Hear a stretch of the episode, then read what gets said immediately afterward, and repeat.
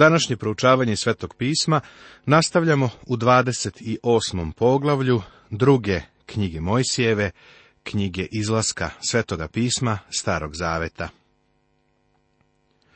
Poglavlje 28. Tema Aron i njegovi sinovi su izdvojeni. Naprsnik, oplećak, urim i tumim, venac i sveštenička odora. Aron i njegovi sinovi su izdvojeni za sveštenstvo. Vidjeli smo da su svaka nit, svaka boja i poluga u šatoru ukazivale na Hristovu ličnost i delo. Sada dolazimo do onih koji će služiti u šatoru od sastanka. Leviti su bili određeni da se staraju za šator, a Aron i njegovi sinovi da budu sveštenici. Aron je određen za prvo sveštenika. A ti uzmi k sebi Arona, brata svojega sa sinovima njegovim, između sinova Izraeljevih, da mi budu sveštenici. Aron i Nadav i Avijud i Eleazar i Itamar, sinovi Aronovi. I načini svete haljine Aronu bratu svojemu za čast i diku. Da bi Aron mogao da služi kao prvosveštenik, morao je da ima određenu odeću. Ova odeća govori o Hristu. Istina je da većina uputstava i saveta u drugoj Mojsijevoj nije uzbudljiva za čitanje, niti ih možemo čitati kao detektivsku priču ili misteriju, ali ovaj tekst nam otkriva Hrista. Da li se pitaš zašto nam je Bog dao sva ova uputstva? Mala deca uče kroz slike. Biblija je kao jedna slika, a Bog želi da gledajući slike koje nam je dao, naučimo istine koje on ima za nas. Ova odora nije bila sveta u onom smislu u kome ti i ja danas mislimo o svetosti. Jevrejska reč za sveto znači odvojeno. Ova odeća je bila odvojena za službu Bogu. Sve što je odvojeno za Boga, sveto je. Pretpostavi da imaš deset dinara u novčaniku i želiš da jedan dinar posvetiš gospodnjem radu. Možda si tih deset dinara primio u prodavnici, a prodavnica ih je možda dobila od nekog kockara, koji ih je možda dobio od prostitutke, koja je mogla da ih primi od nekog lopova, i sve tako. Ali onog trenutka kada si taj novac odvojio za Boga, on je postao svet. Sve što je odvojeno za Boga, sveto je. Ovo je tako sveta odeća i trebalo je da se koristi za službu Bogu. Ja ne nosim plašt kao nekada leviti, ali kada sam bio pastir crkve, imao sam odelo od mohera koje sam nosio isključivo za propovedaonicom. Moji bliski prijatelji su se često šalili na moj račun zbog mog navodno svetog odela. Kad sam propovedao, bio sam obučen u to sveto odelo i na neki način to jeste bilo tako, jer sve što je odvojeno za službu Bogu, to je. Zapazi da je ova odora Bogu na slavu i da je divna. To mi se sviđa. Stvari ne moraju da budu ružne, prijatelju, zato što se koriste u Božjoj službi. Ja lično se ljutim, prosto sam uvređen što svet, telo i đavo izgleda da dobijaju sve što je lepo. Zašto se nešto od lepote ne može dati Bogu? On je stvorio lepotu. Ako ne misliš kako on rasprostire lepotu unaokolo, Posmatraj zalazak sunca, posmatraj lišće u jesen. Posmatraj nebo za vreme vedrih sunčanih dana, a onda u toku bure. Bog je najdivniji u bojama i lepoti, a ova odeća za sveštenike je morala da bude lepa i Bogu na slavu. I kaži svijem ljudima veštim, koje sam napunio duh mudrosti, neka načine haljine Aronu da se posveti, da mi bude sveštenik. Aron je trebalo da bude odvojen za službu velikog prvosveštenika, a ovo je njegova odeća. A ovo su haljine što će načiniti, naprsnik i oplećak i plašt, košulja vezena, kapa i pojas. Te haljine svete neka naprave Aronu, bratu tvojemu i sinovima njegovijem, da mi budu sveštenici. Ovo je šest delova odore, koju je trebalo nositi u službi Bogu. Tu odoru je trebalo da nosi Aron, a potom bi, naravno, ona prešla na one koji će ga u toj službi naslediti. I neka uzmu zlata i porfire i skerleta i crvca i tankoga platna. Ova odeća je trebalo da se napravi od veoma tananog, najboljeg materijala. Smatram da je Bog trebalo da dobije najbolje, ali moram priznati da u vezi sa ovim moramo biti vrlo obazrivi. Nikada u svojoj službi nisam vozio automobil koji je bio skup, kao što je neka velika marka. Jednom prilikom jedan čovjek mi je ponudio da mi kupi skup automobil. Ja sam to odbio. Jednom sam istina vozio Chevrolet, ali iskreno govoreći, smatrao sam da imam isto toliko prava da vozim i neki drugi auto. I tu treba da budem obazriv. U ovom momentu poznajem jednog sveštenika koga mnogo kritikuju, jer je dosta ljudi u toku jednog dana išlo u njegovo sedište i tamo su vidjeli samo skupa kola. Vrsta službe u koju je ovaj čovjek uključen, moli i preklinje ljude da daju novac za taj rad. A sada ima onih koji smatraju da novac koji je on primio, ipak nije bio mudro utrošen. Hteo bih da kažem da novac koji je uložen u službu ne bi smeo bespotrebno da se troši.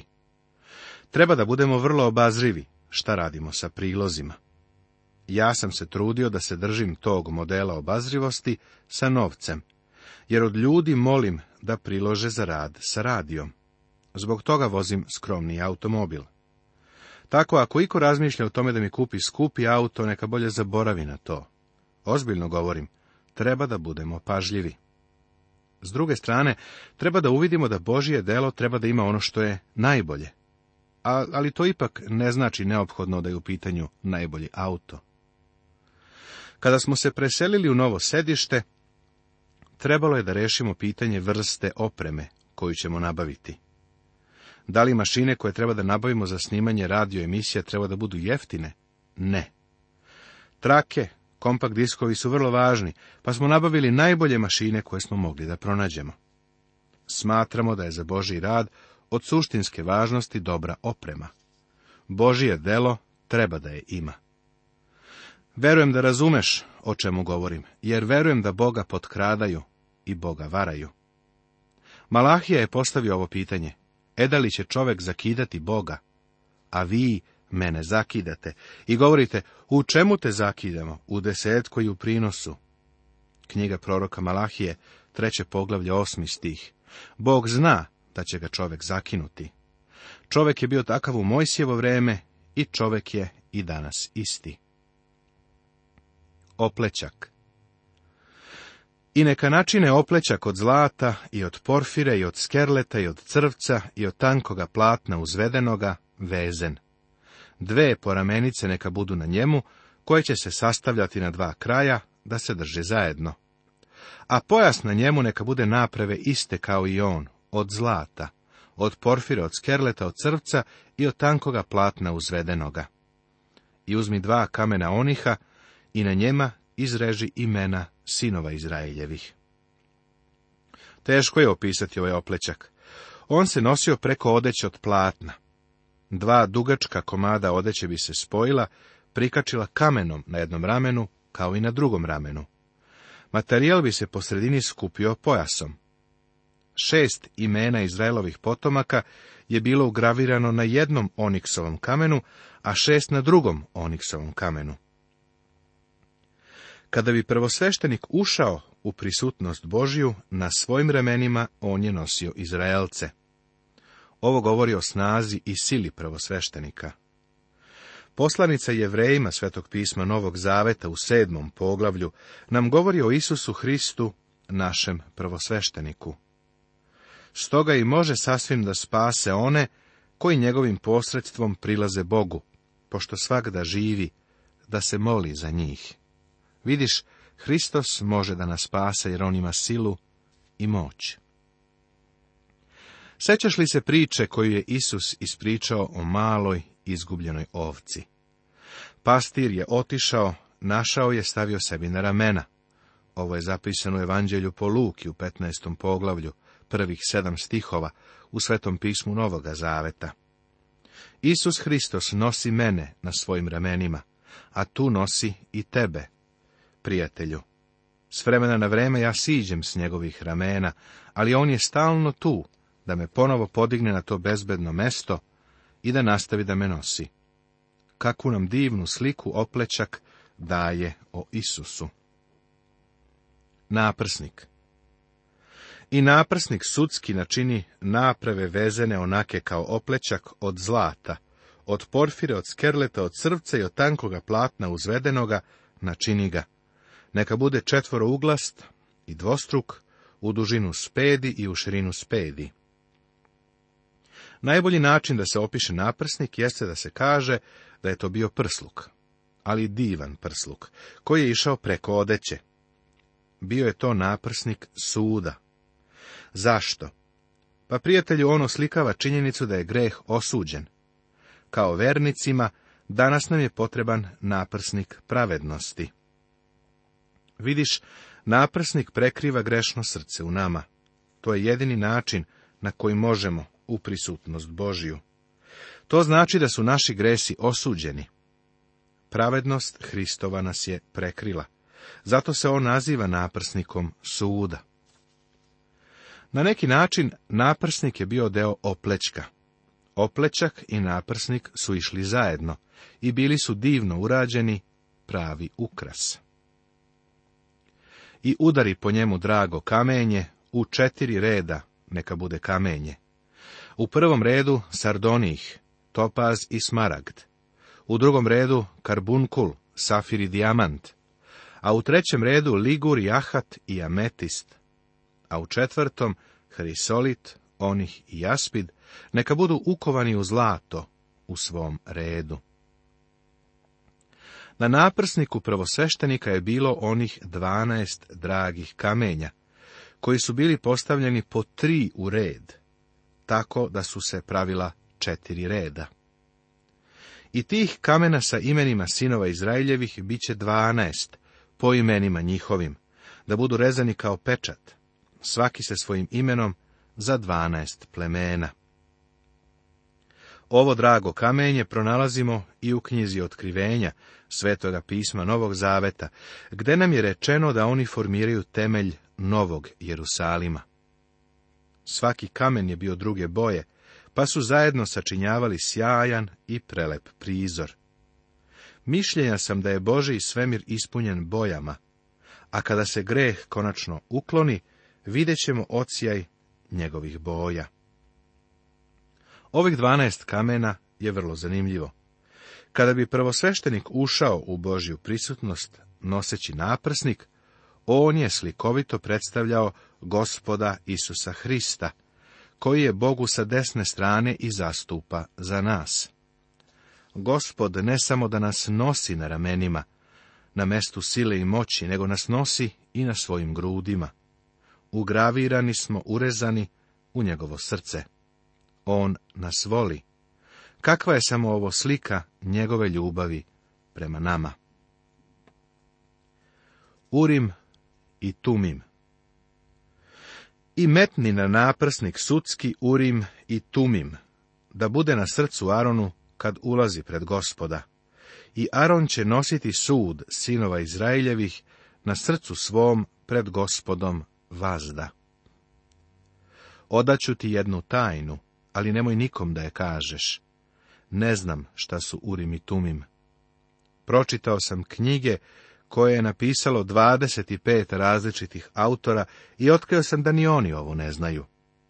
Zanimljivo je da ovo ima neke veze sa otkrivenjem i razlikovanjem Božije volje, ali kako, ne znamo. Neki smatraju da su Urim i Tumim bile kocke, ali ja to ne verujem. Šta god je bilo, određivalo je volju Božju. Bog je iz sasvim određenog razloga detalje ostavio nejasne. Možda mi neko danas pokušao da napravi urim i tumim i tvrdi da bi nam on dao sve potrebne odgovore. Danas je mnogo ljudi koji se trude da nam daju odgovore bez urima i tumima. Bog želi da za odgovore ipak priđemo njemu plašt za oplećak. A po skutu mu načini šipke od porfire i od skerleta i od crvca svuda naokolo i među njima zlatna zvonca svuda unaokolo. Zvonce zlatno pa šipak, zvonce zlatno pa šipak po skutu od plašta svuda naokolo. Prva propoved koju sam propovedao u Kaliforniji u Sjedinim državama bila je o zlatnim zvončićima i šipcima – zajednici sam rekao da ne znam tačno šta su to ti šipci. A onda sam otkrio da rastu u Južnoj Kaliforniji. U devet sati te večeri, na zadnjem tremu moje kuće, bilo je bar dvadesetak kofa punih šipahca. Sada dobro znam šta je to. Šipci govore o plodu, a zvona o svedočanstvu. U našem životu i jedno i drugo treba da postoji. Treba da smo svedoci za Hrista, a plodovi duha svetoga moraju biti prisutni u našem životu. Prijatelju, ne treba da deliš traktate okolo, sve dok u svetu ne pronađeš pravi put za sebe i na njemu ne ostaviš trag.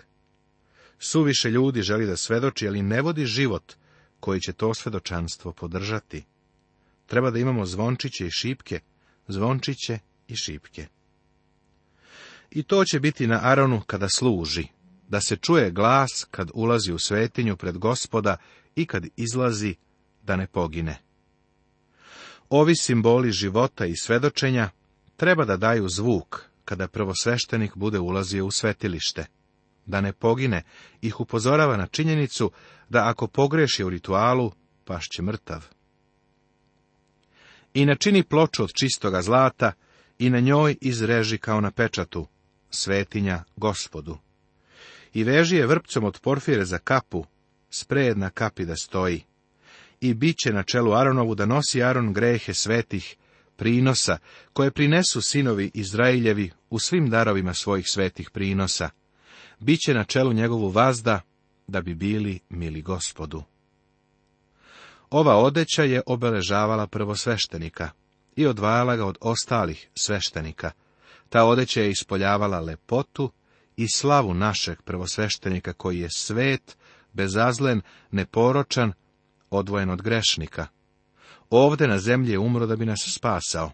Živi Bogu sa desne strane da održi naše spasenje.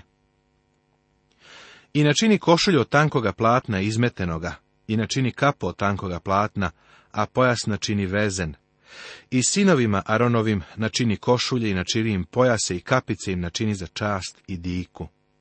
Pa to obuci Aronu bratu svojemu i sinovima njegovim, i pomaži ih i napuni im ruki i posveti ih da mi budu sveštenici. I načini im gaće lanene, da se pokrije golo telo, od bedara do dno stegna da budu i to neka je na Aronu i na sinovima njegovim kad ulaze u šator od sastanka ili kad pristupaju k oltaru da služe u svetinji, da ne bi noseći grehe poginuli. Ovo će biti uredba već na njemu i semenu njegovu nakon njega. Bog nije želeo nikakvu golotinju u svojoj službi. Danas treba ovo da imamo na umu. Bog nije želeo nikakvo izlaganje tela. Ova odeća je bila pokrivalo preko bilo kakvog dela tela. Poglavlje 29. Tema Žrtva i obredi očišćenja sveštenika Stalna žrtva paljenica Božije obećanje da će prebivati među Izraelcima Posvećenje sveštenika 29. poglavlje, ovo pred nama je dugačko i nije sve u svemu zanimljivo i uzbudljivo, kako jedno čitanje može biti. Međutim, uveren sam da Duh Boži želi da ovo poglavlje koristi tako što će nam kroz njega poslužiti, odnosno govoriti. Ovo je Boži bukvar za nas i sadrži velike duhovne pouke. Učinit ćeš im ovo kad ih staneš osveštavati da mi vrše službu svešteničku, uzmi tele i dva ovna zdrava. Posvećenje za vernika nije ništa što on čini sam za sebe. To je nešto što Bog čini za nas. Očišćenje počiva na Hristovom završenom delu. Ono na tome počiva. I hlebove presne i kolače presne zamešane s uljem i pogače presne namazane uljem od brašna pšeničnoga u ih. I meti ih u jednu kotaricu i prinesi ih u kotarici s teletom i sa dva ovna. I dovedi Arona i sinove njegove pred vrata šatora od sastanka i umi ih vodom.